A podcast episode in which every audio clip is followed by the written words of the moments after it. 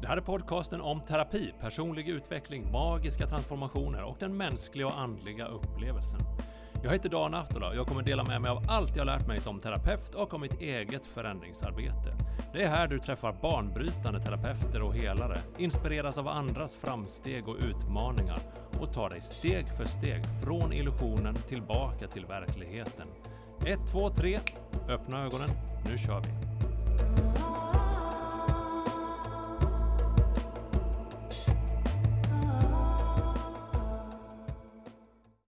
Most of you know by now I have a passion for helping people overcome fear of public speaking and stage fright. But overcoming the fear does not automatically make you a great speaker. That's something you might have to learn. Many people try to solve the problem from the opposite direction, learning public speaking techniques and expect the fear to magically vanish. And as you might be aware of, it doesn't work. But learning how to control and transform the energy of fear does make it a lot easier to learn the proper speaking techniques and get more comfortable on stage, at work meetings, or social events, for example. That's why I, in this episode, talk to Matthew Ward. He is a professor in communication studies and teaches, amongst other things, public speaking and interpersonal communication. He will talk about the origins of public speaking, how to be a better speaker, and he frames the five stages of performance anxiety in a story about a wedding speech that made me both laugh and cringe. Professor Ward is also a passionate weightlifter and a genuinely great man. Matthew Ward. Hi. Welcome to the show. Thank you. How are you? It's good to be here.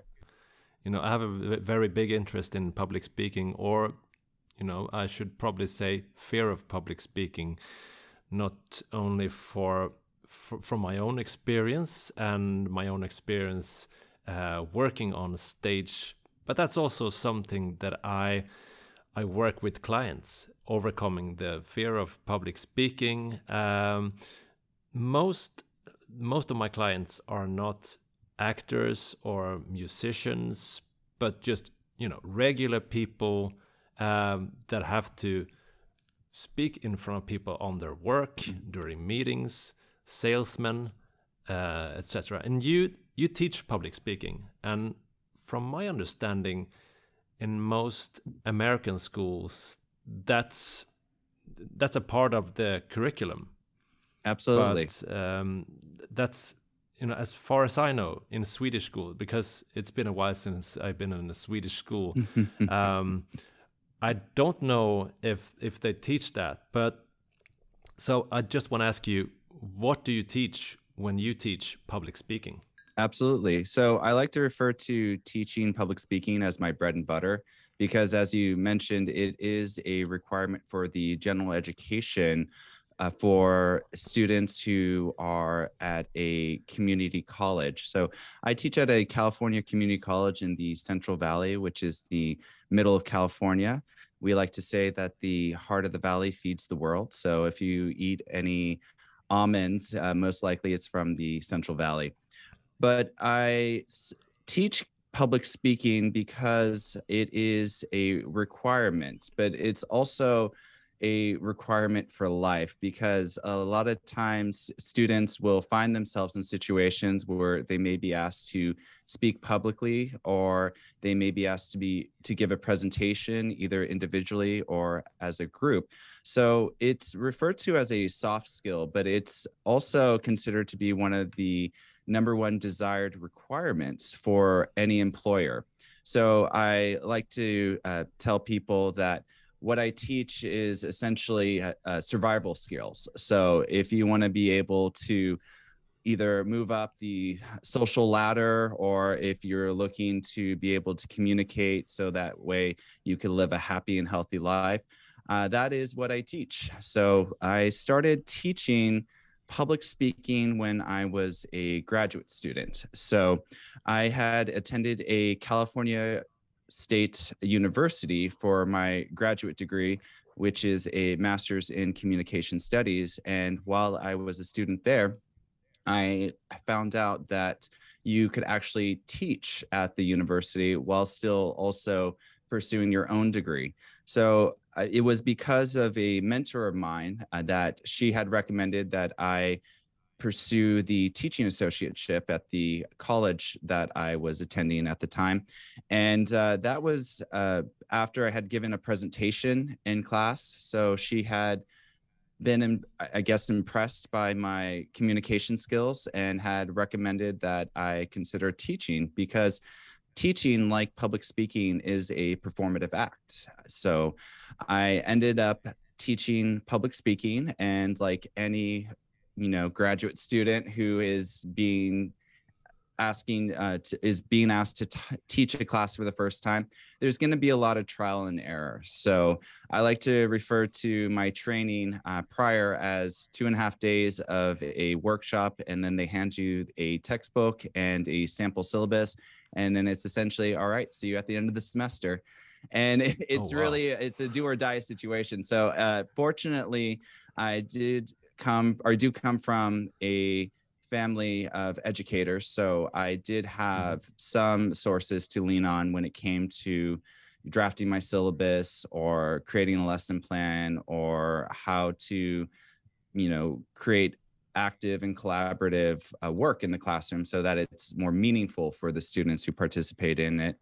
So I ended up um, being a graduate student for two years, and I was an associate uh, during that time.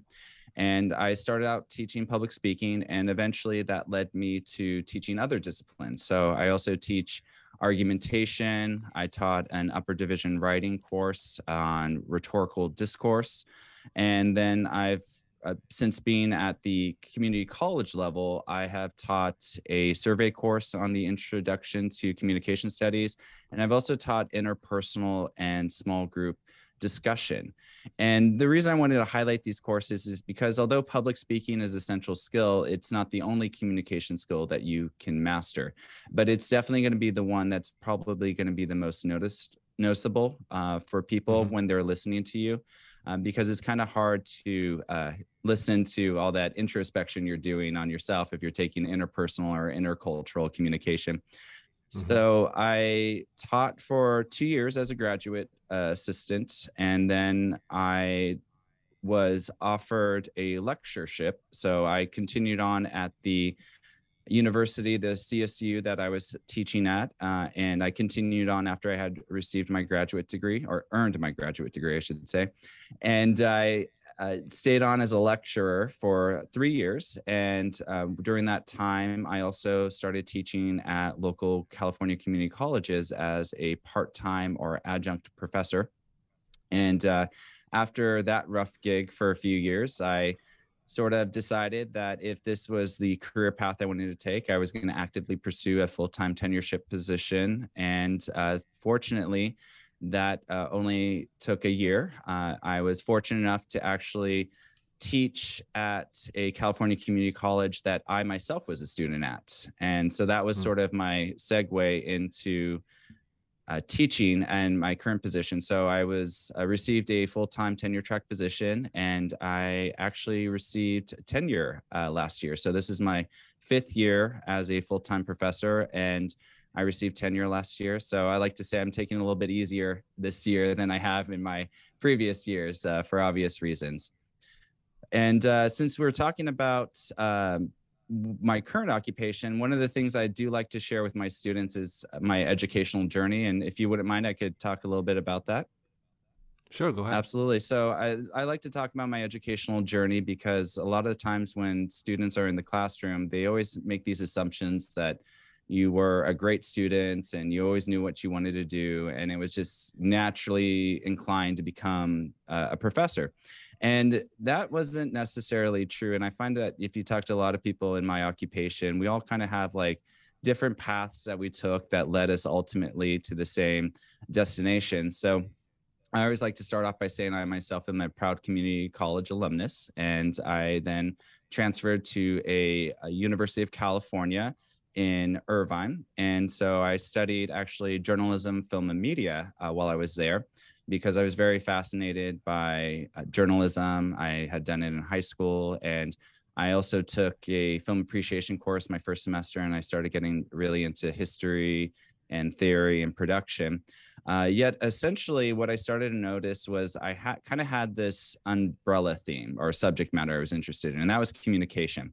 So while I was a student at uh, UC Irvine, I actually was a part of the UTeach program, which allowed me to design and implement my own discussion-based course, which I chose to do so on YouTube. And this is during the time that YouTube had been purchased by Google and it was uh, experiencing a lot of copyright infringement lawsuits. And so the reason I brought this up is because, uh, you know, 10 years later, all of a sudden I'm teaching with YouTube in uh, my classes because during the pandemic, when we shifted to uh, fully online, I, I, like to say I went from being the novice in my department to the MVP overnight because I had uh, experience uh, teaching distance education, as well as, of course, uh, having an interest in video sharing technologies, uh, specifically uh, technologies like YouTube.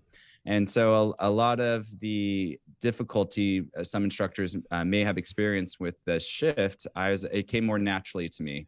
So I, I then, of course, after I graduated, I graduated during the recession. So there weren't too many opportunities uh, during the time for employment. So I worked a few um, seasonal jobs and and some part-time work and internships in marketing and public relations but it never really seemed to lead anywhere that I wanted it to or was hoping it would take me to. So I decided to go back to graduate school and I had always planned to go back to graduate school because I was not done learning yet. And for me, I wanted to teach at the community college. And so mm-hmm. I ended up uh, going and getting my master's degree. And uh, then when I pursued um, my current occupation, uh, one of the things that I like telling is my students is uh, after I had graduated from UC Irvine, I actually went to the current college I teach at to take communication studies courses. So the courses that I currently teach, uh, such as public speaking, uh, interpersonal communication, small group discussion, I actually took here as a student with my now colleagues as my professors at the same time. So it's sort of a, a, full circle moment, if you will. I started out at this institution with this particular goal in mind. And for, I was very fortunate that this path that I took, no matter how strange or uncertain it felt at times ultimately led me to the ultimate destination which is my uh, current occupation as a professor of communication studies or as uh, my mother likes to refer to it as i get paid to talk professionally. Oh so you so it was never your your dream growing up being a professor? Honestly i i was under the same assumptions most people had when it came to being a college professor. You know had to be super smart you had to be a straight mm. a student you had to be like gifted or special and that's not true.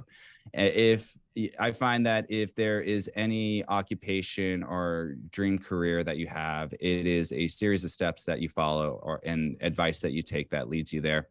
And i i always tell my students uh, as much as this used to be the case it's not so much anymore where a college degree was viewed as social mobility. So you were able to move up in society financially, socially, uh, eh, because uh, you had a degree, which at the time it was not.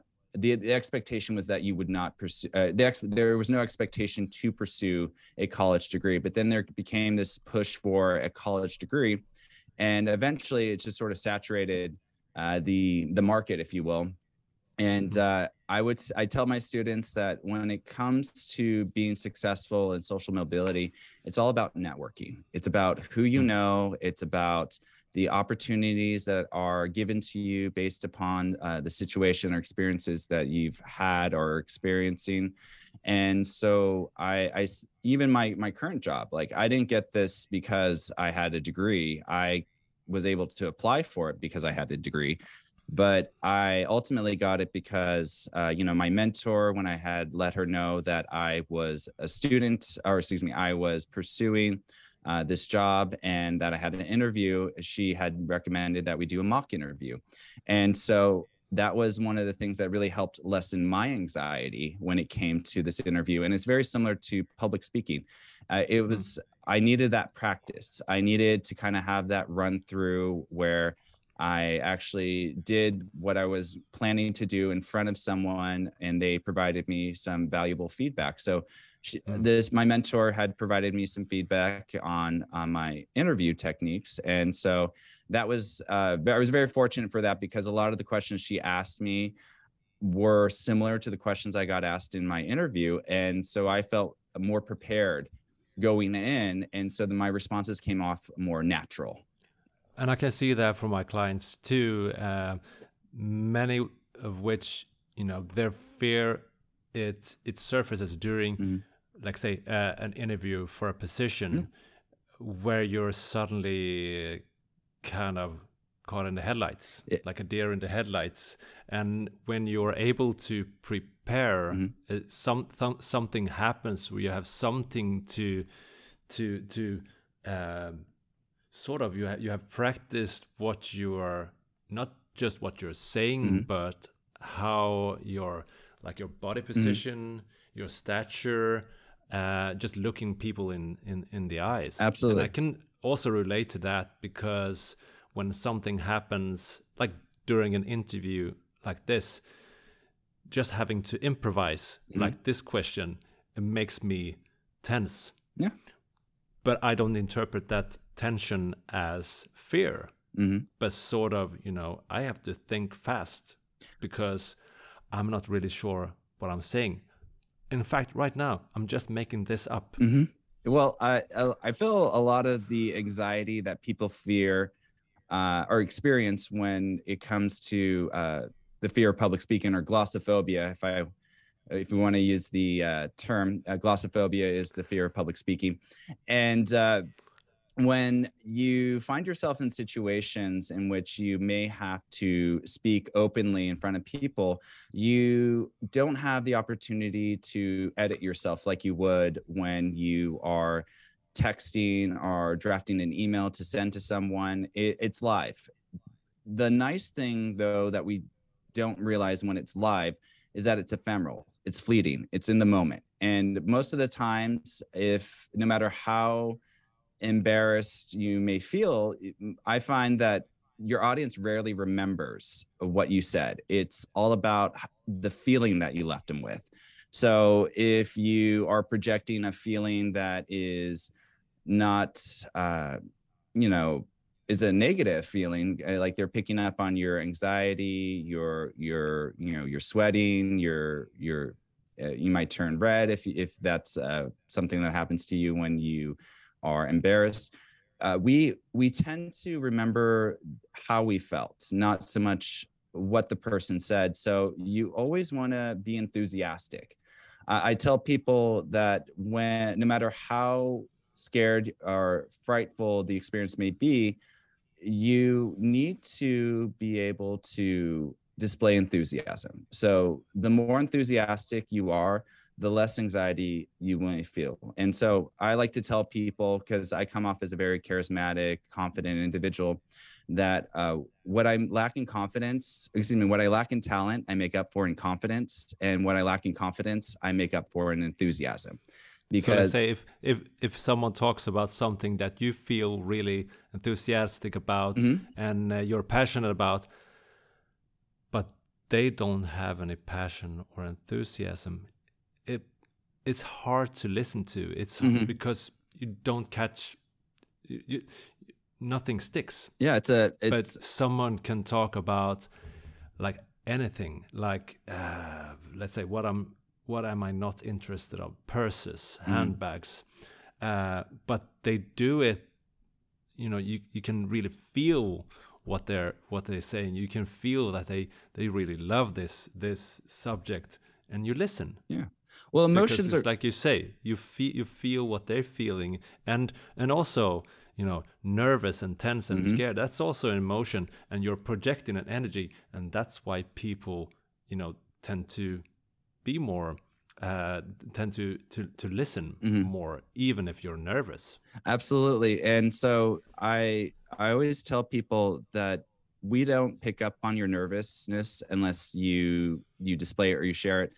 and I, I would say that uh, a lot of the times when you are experiencing this, it's a, more of a fear of scrutiny. Like you, no one wants to be judged and we put a lot of pressure on ourselves because you know we want to do well we want to impress and you know we want to display that enthusiasm uh, because uh, emotions are contagious. So if i'm enthusiastic about what i'm talking about your audience is more likely to be enthusiastic about what you're talking about. And so uh, to demonstrate a little bit about uh, this conception of public speaking as like this I guess this horrendous experience that people have to go through. Uh, it's it's not as painful as people make it out to be. And I, I always think of the Jerry Seinfeld joke about uh, public speaking, how it's considered to be one of the top fears, uh, like next to death and spiders. And so he has this joke about that he had read somewhere that public speaking was the number one fear people had. And so he started to wonder that at funerals, would you rather be in the casket or would you rather be the one giving the eulogy? And and it just it starts to make you wonder like is this uh, you know a logical or irrational fear that we we put on ourselves? And uh, you know, speaking mm. from my own experience, I still experience anxiety when I have to speak in front of an audience because mm. the, the fear itself never goes away. It becomes more manageable. Uh, you you mm. start to learn through practice and preparation, which is key to any successful presentation. That the more you practice and uh, prepare, the more likely you are to succeed. And ultimately, once the content is solid, then from there you could focus more on the delivery. And when it comes to the delivery of the content, you want to come off as natural as you can.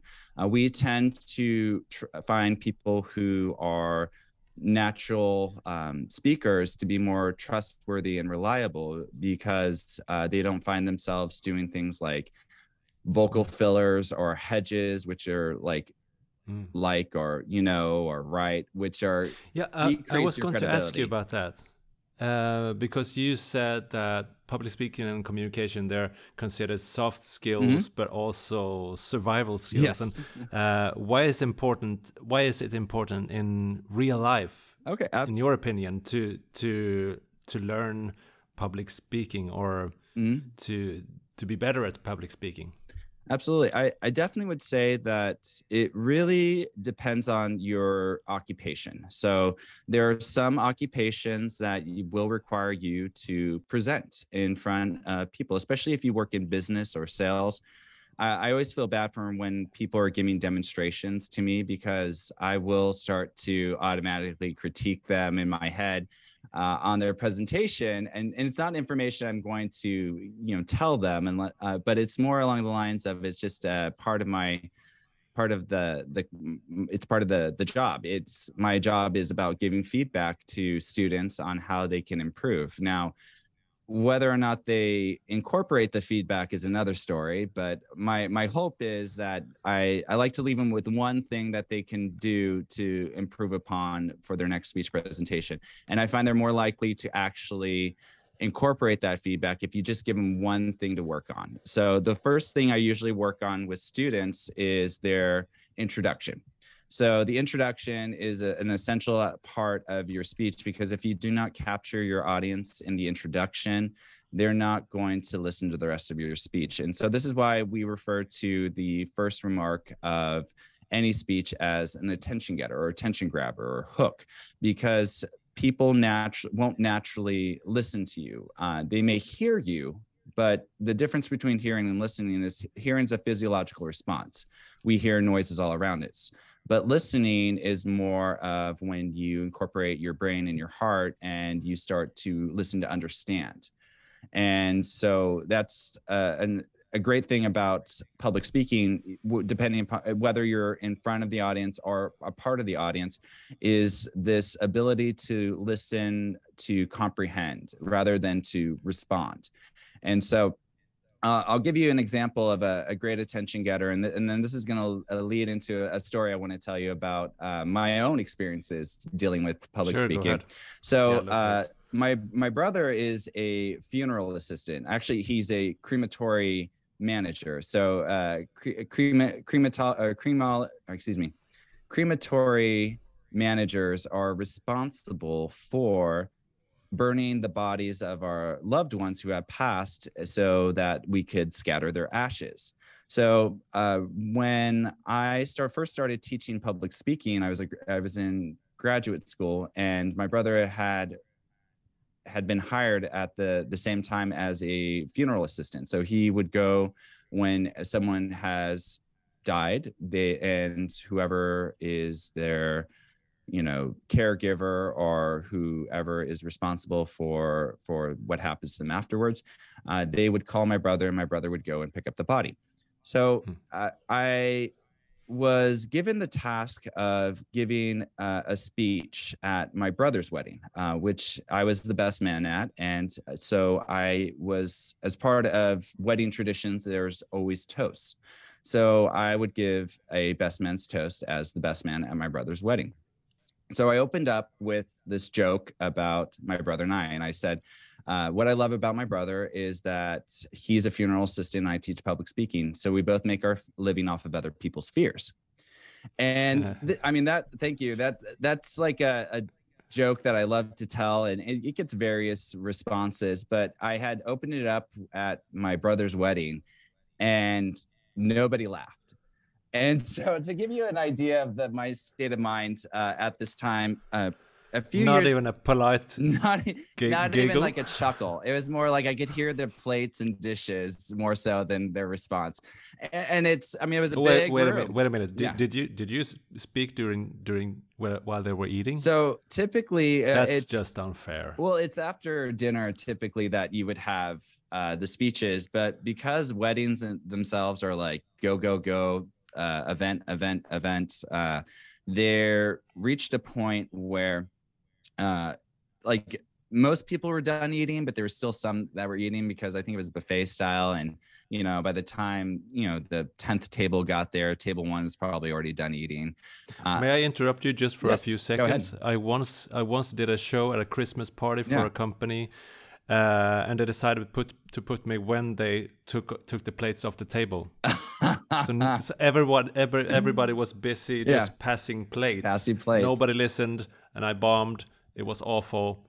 Thank you. Well, I mean, please, please continue, Matthew. I, I wouldn't blame you for that. I think it was just uh, the circumstance uh, that you found yourself in that that wasn't ideal for you. So, um, so my brother and I actually, the reason I was so nervous about giving this best man speech uh, was that my brother and I had given a toast or what I like to refer to as a troast, a combination of a toast and a roast. So a toast you would highlight uh, all the great things about the, an individual or an event or uh, or uh, something like an object or, or, a building. And then you would uh, talk about uh, a roast, which is when you would talk about all the bad things or all the sort of funny things that you could poke fun at, uh, but in good humor because the other person's in on the joke. So I call it a troast because uh, you know, we we said all these great things about my sister, but not so much about my brother-in-law, whom we love, of course. But it was uh, the speech itself was unexpected and we had a great back and forth that we ultimately got a lot of compliments on on our speech and uh, we it was funny and people enjoyed uh, the banter my brother and i had back and forth with each other but yet because of that i had a lot of pressure placed on me uh, to sort of recreate that moment at my brother's own wedding. So the difference there was I was solo. So it was in like my brother and I doing our banter back and forth. So it was solo and it was for my brother. And I ultimately, when my brother had told me that he was going to propose to his then girlfriend, now wife, I, I knew in, immediately I was going to be the best man because I had always told my brother that if I was not the best man at his wedding, that I would not show up at his wedding. And my brother and I were best friends, so we're very close in that sense. So he he got the humor, but I was, but also the tone of seriousness in that statement. So uh, my bro, that's when I started to feel what is referred to as pre-preparation anxiety. So in there's five steps to experiencing anxiety. when performing. The the first step is pre-preparation anxiety, then it's preparation anxiety, then it's pre-performance anxiety, performance anxiety, and then post-performance anxiety. So the story I'm going to tell you is going to illustrate all five. That's a lot of a lot of anxiety. Exactly. It doesn't go away so easily, even after you're done with your speech, because you get all that rumination. You, you have months of anxiety. Oh, there. I and I did because when my brother told me he was going to propose to uh, his girlfriend, now wife, I was like, I'm going to have to give a best man's toast. And because my brother and I had done a toast or toast that was well reviewed or you know enjoyed by by many i knew there was more pressure there was more expectation this time and so the mm-hmm. standards had been raised and i had to meet them I, I, uh, that's the the what I was going in at, at the time. That was the mindset I had, and so I spent months working on this best man's toast. Like I had pages and pages of single space typed ideas, jokes, stories that I wanted to tell. And this thing is it's taken me months and I'd work on it for various times throughout um, the months leading up. But when my brother finally proposed, I think he proposed about three months later. Uh, my sister-in-law and he had set the date for six months from there. So uh, there was a, a, a timeline that I had to follow.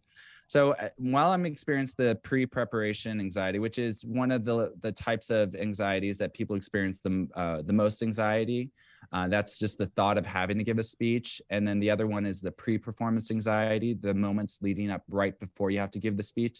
Speech that we tend to have the highest uh, level of anxiety, and so yeah, I can relate yeah and and so i'm i'm i'm experiencing this anxiety and you know it's that that scrutiny fear. I i, I knew i was going to be judged or critiqued or evaluated for my my uh, speech because people are going to want it to be you know funny and and entertaining. And that's could be hit or miss sometimes because you can never predict how people are going to react.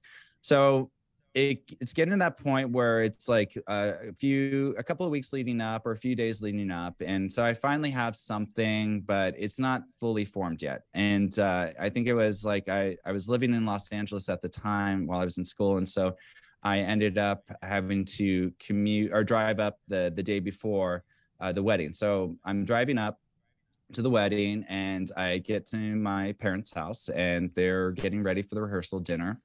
And so my I have three older sisters and one of my sisters came up to me and was like, "Hey, I know you feel a lot of stress and pressure about this speech. Uh, so I'm not going to lie to you.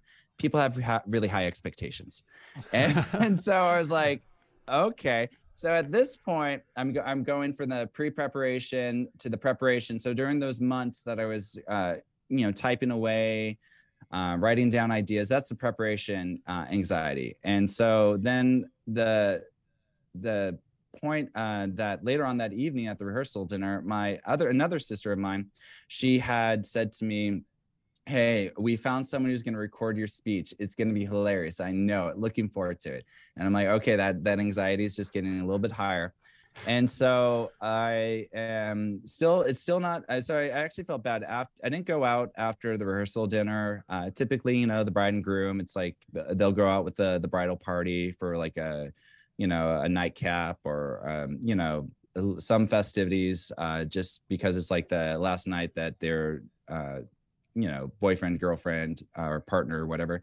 And so i ended up uh, going back to my my brother's place. Because at the time he was living above the the mortuary where he worked so i'd always stay with him. And so we'd live uh, uh to, or i'd stay with him uh, living above this mortuary. So i went back to the mortuary and i started uh, working on my speech. And then it got to that point i'm like okay i, I need to make sure i get sleep. I uh, i want to make sure that i am you know hydrated, well fed, well, um, you get good quality sleep. Because uh, these are all things that will ultimately affect your speech. So even if you spend all night practicing and preparing, if you're physically not 100%, then it's going to be more challenging than if you had you know, done some practice, done some preparation, got a good night's yeah, sleep. It's about the energy. Oh, absolutely, for sure. So uh, the next day, I I wake up and I asked my another one of my sisters to print out my speech. So she prints it out to me. And so we are driving together in the car on the way to to the church where the uh, wedding ceremony was going to take place. And she goes to me, So I looked at your speech and I'm not so sure about a few parts. And I'm like, this is like on the way to to the church here. Like, I, I there's uh, there's not much I could do at this time. So I ended up, uh, I've at that point, like my anxiety is as at the highest. Like I was barely present during the ceremony. I kept practicing during the photo shoots for like the the bridal parties and the bride and groom and the family. So I a lot of those photos I don't look like I I want to be there because it's just I was so stressed out and and then finally, you know, we get to the ceremony or the reception, excuse me and from there we you know have the dinner and then there's um, the the dj who will introduce the the bride and groom who will give their speeches. And so my sister-in-law her sister was the bridesmaid. So my sister-in-law's sister uh, gets up and she literally just stood there next to my brother and sister-in-law and me and just cried into the microphone for two minutes I was right next to her and I had trouble understanding what she was saying. And I found out later she actually wrote her speech on the way to the church. And so, whereas I spent months preparing, she just created it uh, on like I don't know the 10 minute drive it took to get to to the church from wherever she was. And so then we uh she finishes there's you know polite clap but but she nailed the emotional part. Oh, she well, she cried. They like everyone knew she felt that. I mean, and they felt it. They did. But... Incomprehensible. You didn't understand a word, but you felt it. You definitely did. Well, I will say, crying throughout the speech is not necessarily the most effective part. Like you can display emotion and you could get, uh, you know, teary eyed, but if you're incomprehensible, I I can't understand. And and and so she finally sits down, hands me the microphone. The DJ calls up my name, and I get this rousing woo like clap, like they're excited for me. And then that's when I opened up with this joke. The the like joke, you're the you're the main I was the main event. She was the warm up. I was the main event, and uh, and people are really excited. Like I, I could tell it, I could see in their eyes. And so I open up with that joke about my brother and I making a living off oh, of I have, other I have a fears. feeling where this is where this is going. Uh, well, at that point, so listening to my sister-in-law's sister's speech, this is when I'm starting to feel all that uh, pre-performance anxiety. So the pre-preparation anxieties when I was being asked to give a speech or I knew I was going to have to give a speech. Preparation anxiety was the months leading up to the wedding. Uh, and then the pre-performance anxiety was the anxiety I was feeling uh, the the moments, the hours leading up. So I will say, I think for me, when my sister had made that comment about um, not being sure about my speech, that's when I went into pre uh, performance anxiety mode. And then I I start to I open up with my joke, and that's when I'm experiencing performance anxiety. So a lot of people, when it comes to uh, the fear of public speaking, they only think about the actual fear we experience when giving the speech. But as I've clearly illustrated, like the fear is there all the way up to when you actually realize you have to give a speech. So, uh, you know, in the context of my students, I always tell them like, when did you experience that? And you know they think oh it's day one. I'm like nope it was before that. Oh when i signed up for the class. I'm like nope it was before that. When they found out they had they had to take an oral communication class in order to graduate or to transfer that is when you f- experience pre-preparation anxiety. So mm. i open up with that joke and it didn't do well and so at this point i you know i have a couple options. One i could just you know give up or I could just, you know, power on through. So I powered on through. And I I like to refer to my best man speech as the Citizen Kane of best man toasts because it wasn't fully appreciated at the time, but I feel like it it has gained popularity and it's become sort of like uh, reevaluated and it's been regarded more highly now than it was at the time. Mm. So so I, I get through this speech and then it's over and I get a like a light clap, like kind of a courtesy clap. and then that's when I was like, I knew, I knew, I knew what the response was. Now there was one table at this ceremony that loved my speech, and that was all my male cousins. So all my brother and uh, mine are our male cousins, uh, they were really excited for this uh, speech, and and they laughed. They thought there were a few moments that uh, were cringe-worthy, but they laughed. Uh, and so apparently, I knew my audience, which was just that one table, and I didn't adapt it for everyone, especially since uh, I come from a large family and my sister-in-law she comes from an even larger family.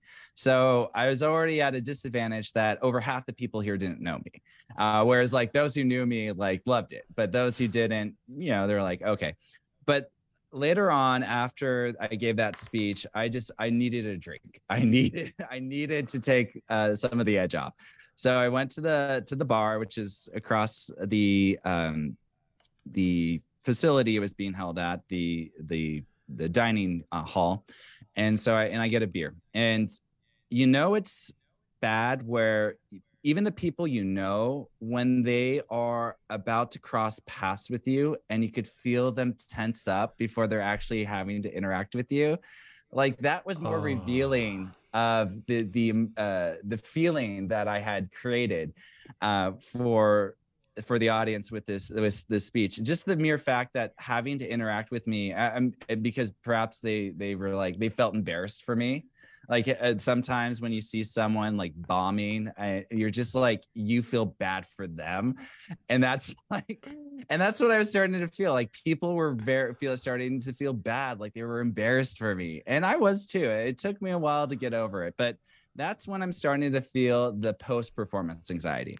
The post performance anxiety essentially is when you yourself are feeling anxious, uh, cont- continuing to feel anxious because you keep ruminating about this experience.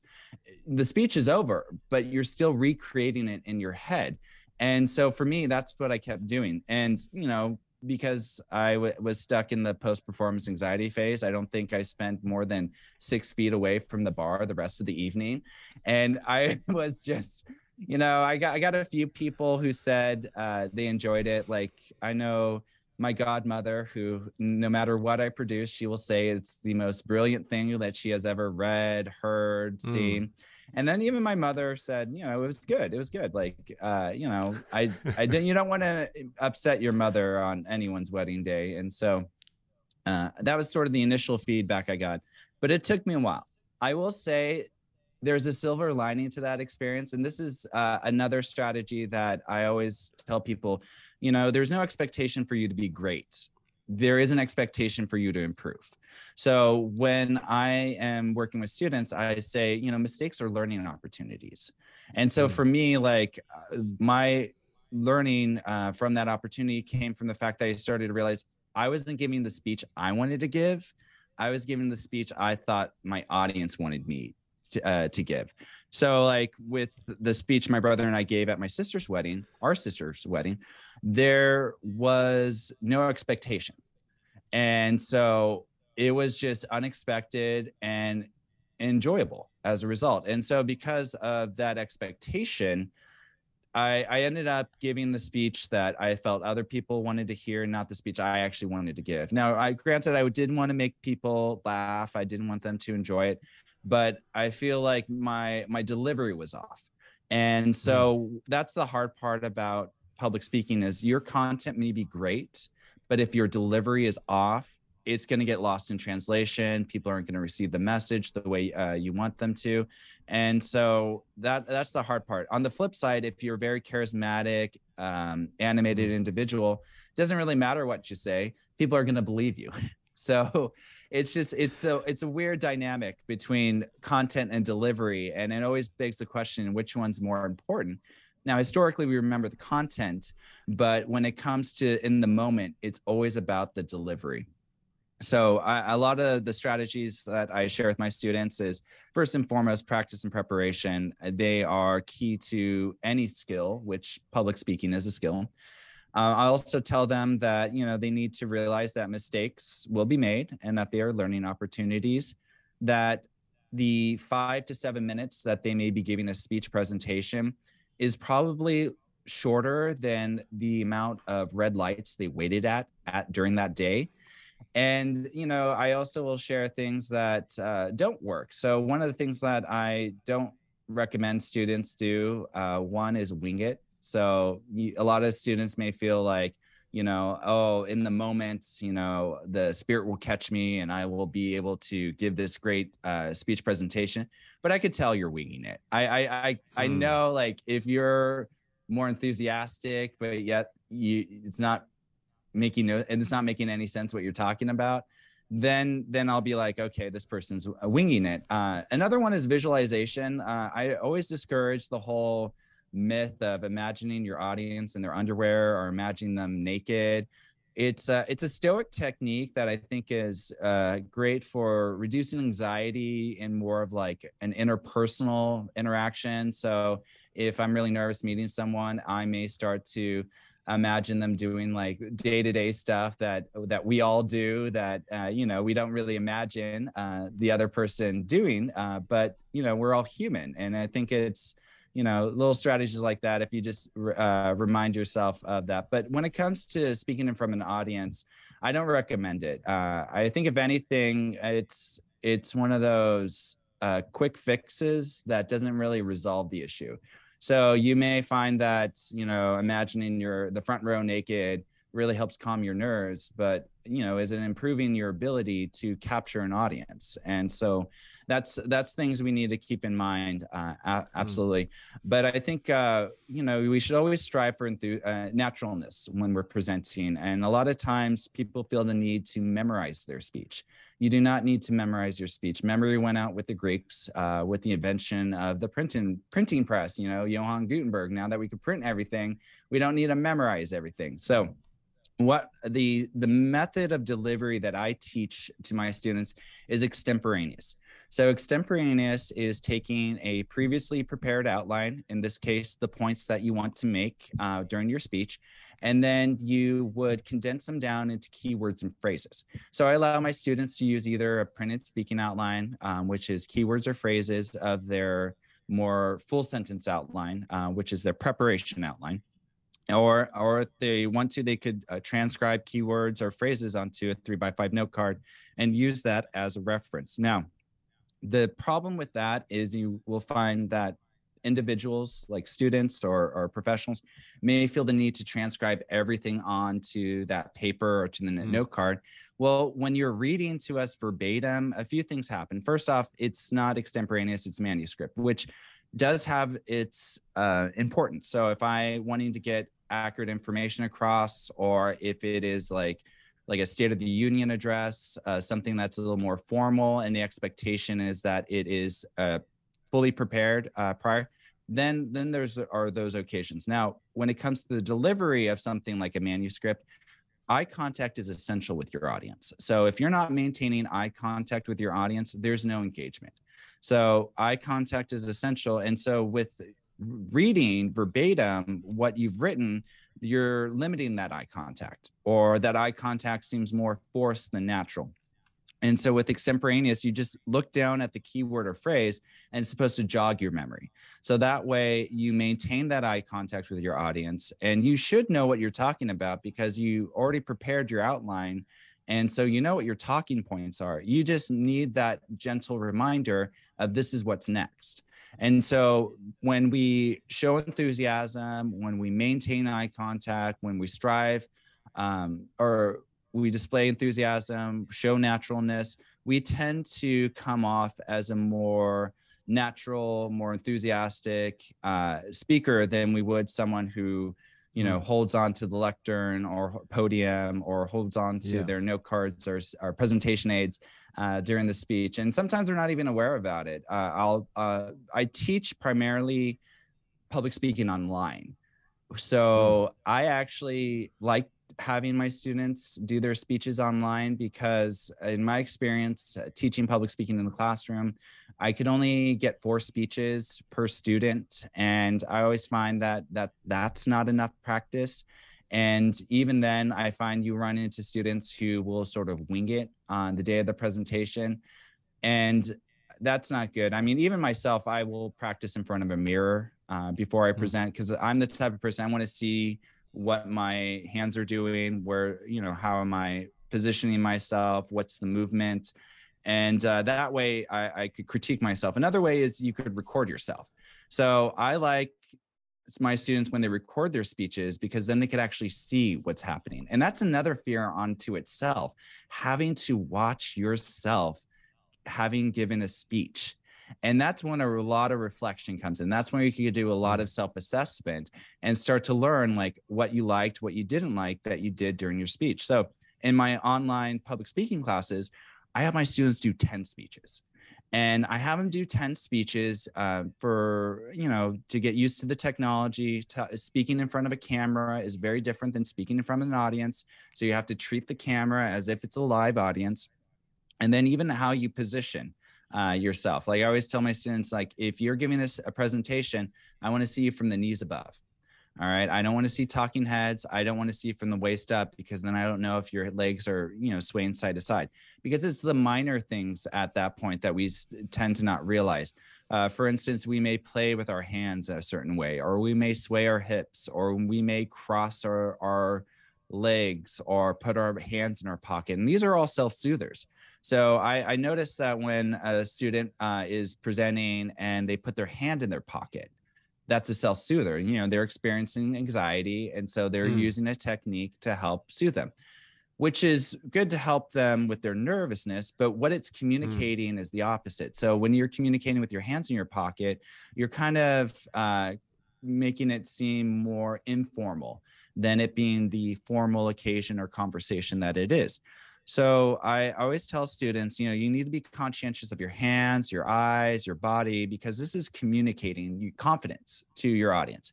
So I always like to, instead of putting your hands in your pockets or behind your back, I always like to teach what is referred to as the Jesus pose. So the Jesus pose is when you have your hands by your side, palms facing up. And the reason it's called the Jesus pose is because art historians have noticed that whenever Jesus Christ is depicted in artwork, he's always shown with his hands by his side, palms facing up. And so people associate that hand movement or that gesture with like welcoming, inviting, like very um, very invitational. So so that's where I, I tell my students like you don't have to keep your hands uh, by your sides palm facing up the entire time but you need to be conscientious about what your hands are doing. And so when we're able to record ourselves we may able to, to be able to catch things that we normally wouldn't be able to do if we were just giving a live speech in front of a classroom because then we're just going off of feedback from the professor or feedback from the students and the feedback the students are going to give isn't anything that's going to be uh, critical. There you know no one wants to you know destroy the student who just gave the speech and when you yourself were will be going through the same process momentarily so it's a lot of my feedback, and I'm very particular about things that I'm looking for. Uh, but the one thing that I am looking for is improvement. So if you are incorporating that one piece of feedback, or if you're just like, oh, I just need the credit in order to, I just need to pass the class in order to get the credit to get transfer or graduate, then it's sort of defeating the purpose of these skills. Like you, I, I tell my students, if you, if you're not going to learn it now, when will you? Because I feel like that's the hard part about uh, the education system currently, especially with online, is there's a lot of times it's just going through the motions, going through the steps. And a lot of the times uh, when it comes to learning, there's different ways in which you can learn. Like some people learn from just listening to someone talk uh, or lecture. Others like I need to be able to move. Others are like, no, I want to be able to see. You know, I want I want like a PowerPoint or a presentation aid, and and for me, like I I like learning when I create meaning. So if I'm able to create meaning, I'm more likely to learn. And meaning creation comes when you're actually doing uh, what you are trying to accomplish. So if you actually are trying to improve and you go in with the intention of, I want to be able to uh, say less vocal fillers, or I want to be able to grab my audience's attention. I want to be able to make them laugh at least once, or, you know, I want to be able to maintain or, or capture the audience's attention throughout my entire speech, uh, whether it's two to three minutes or you know, five to seven. And I hmm. feel like when we set these sort of uh, intentional goals, like these minor things, uh, we're more likely to actually do better as a result. And, and so, like, I'll give you an example. I, I used to, I don't do this anymore, but I do tell students uh, that if you are the type of student who uses excessive vocal fillers, well, you need to be conscientious of that. So I, I would recommend just taking like a tally or, or something that will keep track of how many times you say um or uh and the more you're aware of it, the less likely you are to do it because it's more of the subconsciousness that causes us to behave in a certain way that we may not even be aware about because of the state of anxiety that we're in.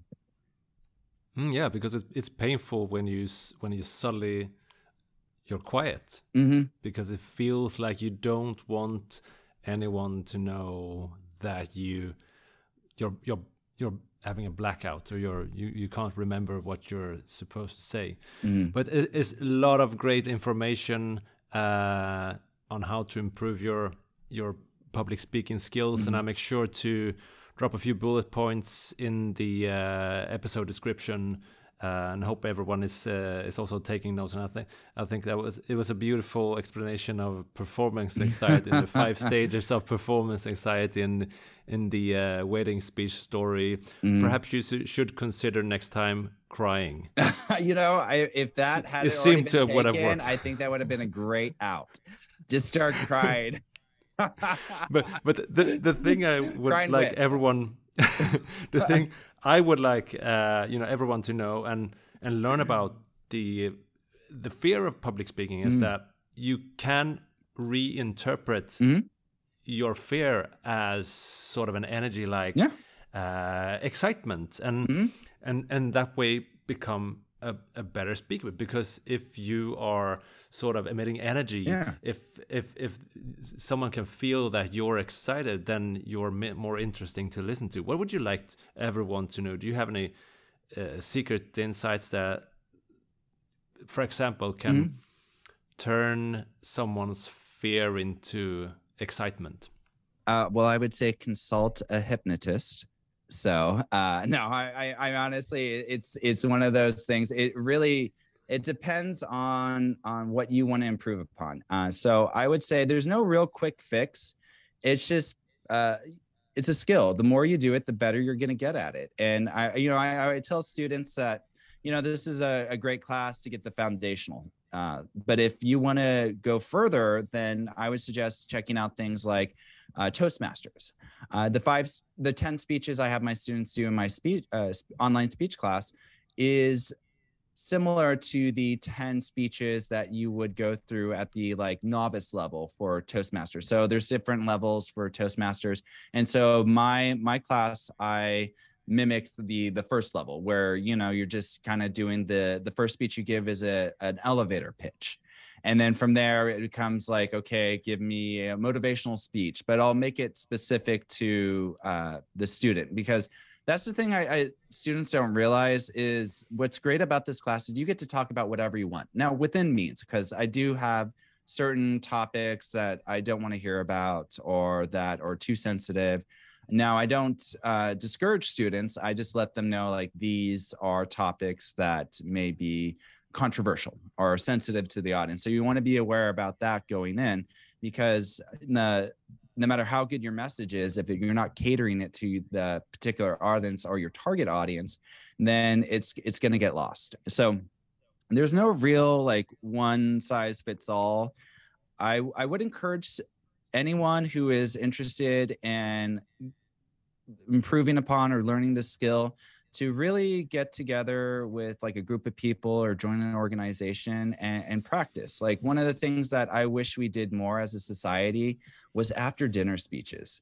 Like I would mm. love if, you know, after dinner while the plates are being cleared and, you know, we would respectfully listen to the an individual who would give like a an often humorous speech, uh, something that's not necessarily beneficial but it's just entertaining and fun to hear. And I feel like, you know, in a constantly distracting world, it's those little moments where we kind of take it down to the basics of just oral communication, live and present.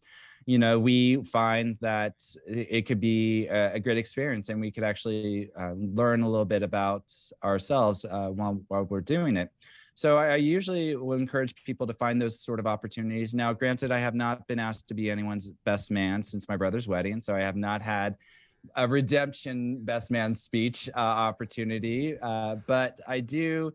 But you're open to bookings. But I'm open to bookings, yeah, and, and yep. continuing to tell this story because that's the other thing I love. It's it was such a, a a stressful, anxious experience, but now I love talking about it and I love sharing it with my students and, and other people because it's just a reminder that you know no matter how good a person may be from our perception as an audience member they're probably still feeling the similar things that you may feel up there. Like i'll say when i first started lecturing i, I experienced or, or teaching at in higher education i feel i felt a lot of imposter syndrome you know i didn't go the traditional route someone's going to find out i'm an imposter and they're going to you know take it all away from me.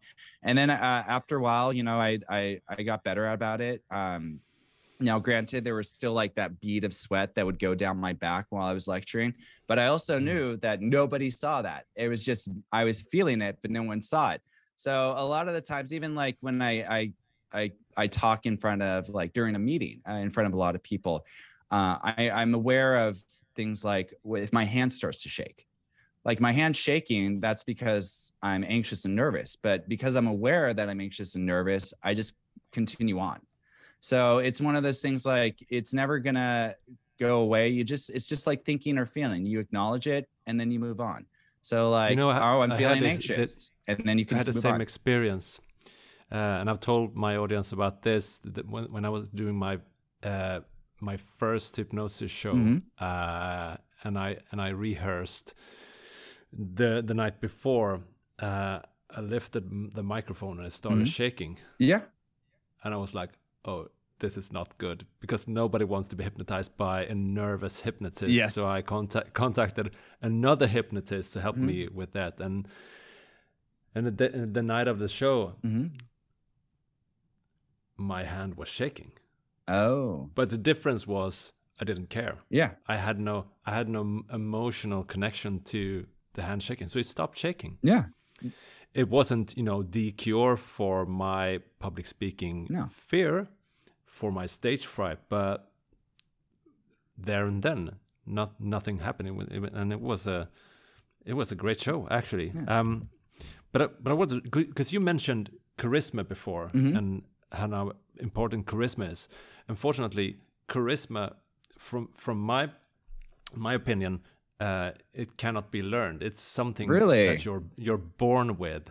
But how can you appear more charismatic? So so it's funny because I actually a lot of people think of me as an intro or extrovert, and I'm actually more of an introvert. Uh, so I, I know when I have to be on, like I when I lecture or when I give a presentation but I don't always have to be on. And mm-hmm. so I, I'm very aware of like, you know, storing your energy for when you really have to be on and, you know, in the moment. But I, I would say that it's more about you realizing that there are opportunities to get better. So uh, when it comes to charisma, I I can come off as very charismatic.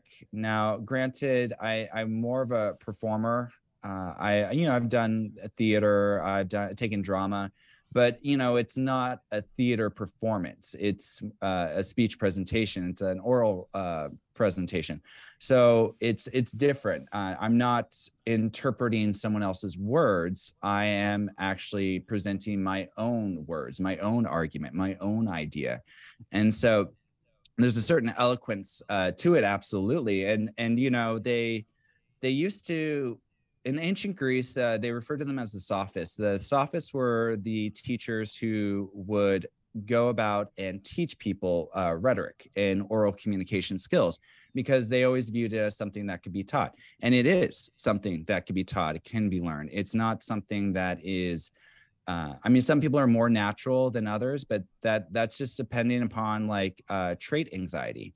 So if you view yourself as a nervous individual, if you are the type of person who doesn't like crowds, or, or you're a shy or introvert person, you yourself may not want to be in those situations when you have to give a speech, but when the occasion arises, you need to re- uh, remind yourself, you know, how am I communicating? What are what are my hands saying? Where's my eye contact? Uh, you know, is uh, and then even in terms of the delivery, I am the type of person that I put great emphasis on words. Like even there, I put emphasis on emphasis to to really sort of make that point. So there are certain um, literary devices you could use uh, when you are presenting in order to come off as very charismatic. So, like for instance, whenever if you ever listen to Martin Luther King's "I Have a Dream" speech, right? If if you are aware of it, and you may think, "My gosh, it's like the greatest speech ever," and and in, in it's arguably so for some. I would say that you know, listening to it, he was elegant eloquent excuse me but there were still those you know those vocal fillers there were still those moments of uh you know uh, a hesitation or you know oh what's my next point and i think that's what makes it great. It's just it's so natural. It's not robotic. It's not uh it's not something that feels like ham-fisted. I don't know if you have that expression um, but it's something that we we we hear because it's the words and then the way the words are presented. And then there are those moments of eloquence that just sort of emphasize like i have a dream. I have a dream. And uh, it just makes the message even more impactful so when it comes to you developing your own sort of skill regarding how you deliver a speech you don't have to be like the the theater kid who's very dramatic and all over the place and and you know high energy but the it's all about the intent. So if you are trying to get your message across you could use certain literary devices that could provide more uh, that could enhance your message especially the incorporation of emotion so we you know we talked about emotion being contagious and enthusiasm well if you emphasize certain lines or words with emotion, they're going to carry more weight than if you were just to say it, you know, really fast. So when we add emotion to our words as well, that's when they are enhanced and they may come off more impactful than if we didn't incorporate any sort of emotion. So it just goes back to that enthusiasm. So the more enthusiastic um, you are, the more likely you are to come off as a natural, charismatic individual. So I tell my students, you know, you can be enthusiastic and it may, it may seem fake at first but it's one of those like i don't want to say fake it till you make it but fake it till you become it. The more you do it the more awkward it feels the uh the more or sorry the more it may feel awkward at first but the more you do it the better you're going to feel towards it and it's like any skill. You're going to be terrible at it at first but you keep at it and it only gets better from there. So I, I would say if you are interested in becoming better speaker, you need to, you know, watch great speeches, uh, even mm-hmm. TED Talks as well, which, uh, you know, TED Talks are a great way to sort of analyze what works and what doesn't in a speech. But even then, it's like uh, the, the, the speakers like uh, there's been sometimes like i'm like oh man this person's barely holding it together like i could tell they're about to like the their the sound of their voice their movements very like stiff and i was like keep going. Like that's just the, the teacher man. I'm like, keep going. You're almost there. Almost there. Like, don't give up. And and this they got through it. And and then it's like, sure, they were anxious when they were doing it, but they got their message across. Like, because I always say the only terrible speeches out there are the ones that you left on, or, or you leave, or you stop, or you leave un, unfinished. Those are the bad speeches. Uh, but if you you work through it, you get better you know it's it's like i said any skill. It's it's how we all need to improve. Even when you have mastered it like i thought i had mastered it but clearly i didn't because i was still experiencing it. And that just reminds me even when you achieve mastery you still then got to go back to the foundational aspects of, of any skill because once you have gotten so far it's like math. Like you may be teaching calculus but you may forget what four times four is because you're just like that's so basic. You're just like I don't know because it's I'm so used to thinking of all these high computational mathematical theorems that I can't do basic math anymore.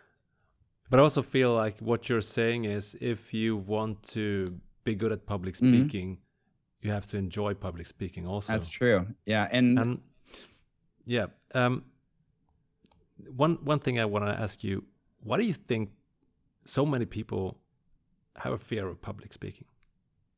What do you think is behind that? Uh, you know, I, I so if I'm gonna give you sort, if I'm gonna answer this, I gotta explain to you sort of the different, uh, the evolution of public speaking.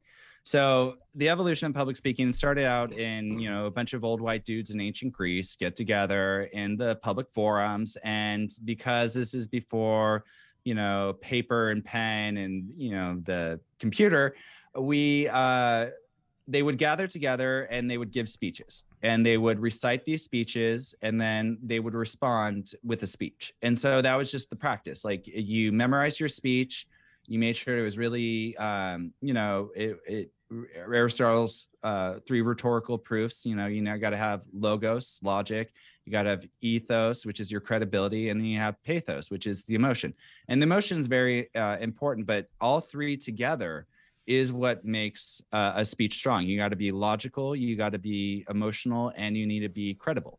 So it started out during uh, what is referred to as like the uh, oral age of of history when it comes to communication where we could only speak it or listen we couldn't actually write it down uh, then of course with the creation of johann gutenberg's printing press that's when we're like able to write things down. And so all of a sudden we're like why are we memorizing when we could just read off of it uh, of something that we've written?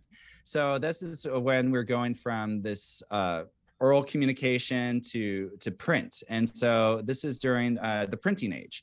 And then of course with the rise of the internet we get uh, computers. And so now we're in this electronic age.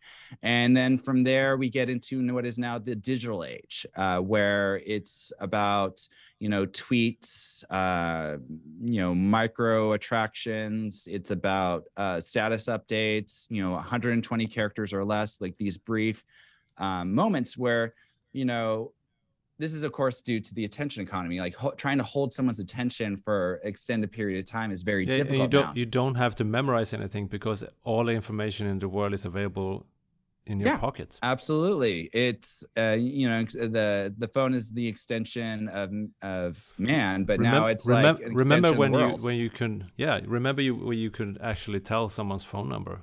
Oh, I actually you, you knew what that. phone number. Uh, so uh, just as a side note, uh, I I know like four phone numbers. I know my phone number. I don't know my office phone number, so that's really embarrassing when people ask for my office number. I'm like, I got to look it up. Uh, I know my primary or my the landline for my parents' house because uh, that was the first number I learned, and then you know I know like 911, uh, things like that. But the one number I strangely remember is there's this pizza place off of this road in my hometown, which to this day I still remember. I never worked there.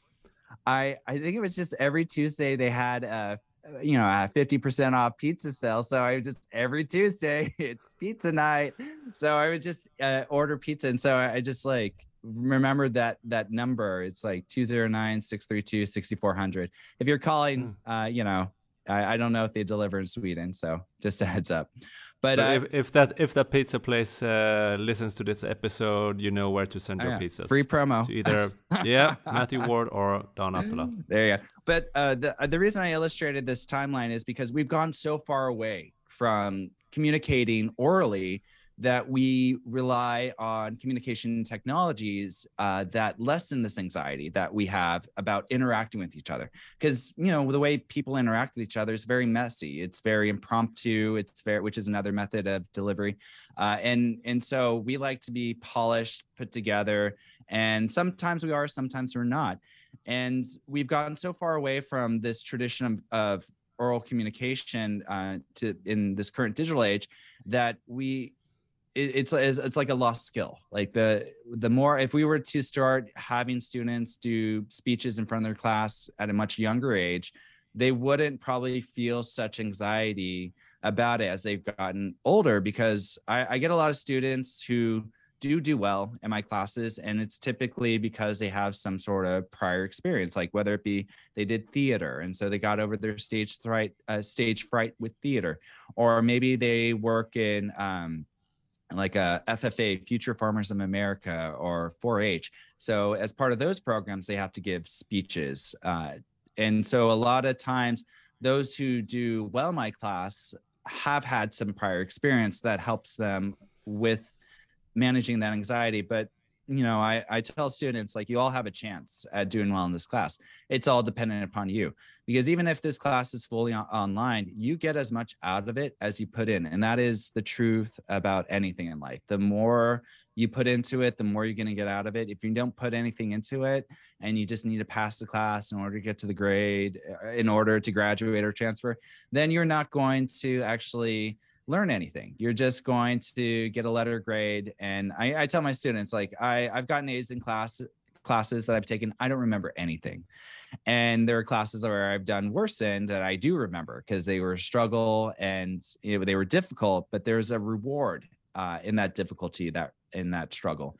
Uh, it's very intrinsic uh, that that you find that you're more capable than you think and feel. And so I, I, feel a lot of the times when uh, this fear, one, uh, it's not as big of a fear as it used to be. But then again, I feel like that fear has been reduced by the fact that we do presentations on Zoom. So even the technology creates a little bit of a buffer where you know we we can now record ourselves our presentations and we could deliver them asynchronously I, or, and anywhere. So distance isn't an issue anymore. Whereas you know before in ancient Greece, like in order to hear a speech or give a speech, you had to be at a certain place at a certain time. But now because content creation can happen anywhere, everywhere, we don't experience the same sort of anxiety. So I feel like this, it's also kind of discouraging when you see a lot of people uh, next to each other when they're on their phones and uh, they don't have that that human touch uh, that you would with the interaction. I know even with right now in our podcast interview uh, on Zoom, like I'm still trying to maintain eye contact with you, but I still get easily distracted by that box above your screen, which is showing me because every so often I'll, I'll notice myself and I'm like, what is he doing? and so that's you're looking in the other direction. I know, right? And so so that's always hard. Uh, so I guess that's the best explanation I could provide for why it's such a fear. I would say it's not as big of a fear. I think the the biggest fear in the U.S. right now is corrupt politicians, uh, and so so public which which they give a lot of speeches. So I wonder if, it, if it's more of like it's not so much the the experience more so than who's giving the speech they fear. Uh, and so we ended. If you, if you do experience fear yeah. of corrupt politicians, consult a hypnotist. Consult a hypnotist. There you go. Yeah. Absolutely. That's the answer. Yeah. So so that would I would say ultimately it's it's something I feel like people should get better at. Uh, but there's so many skills out there that you can improve. Even if you're not a great public speaker, you could be a great listener or perhaps you're the type of person who can take information and condense it into easily uh, comprehensible words. Or like my my thing and is when it comes to being an instructor i always feel like a skill that something i'm developing that i really feel other people should also uh, learn is how to talk to high status members. So if you're low status like as a student how do you talk to the teacher? Or if you're an employee how do you talk to the boss or manager? Because i feel like you know going back to uh, social mobility you have to be able to move up a certain way and the best way to do that is through networking and by networking you could do that online absolutely but the more impactful relationships are the ones that are made uh, in person that it's it's it's that human touch that just can't be replicated in an online environment.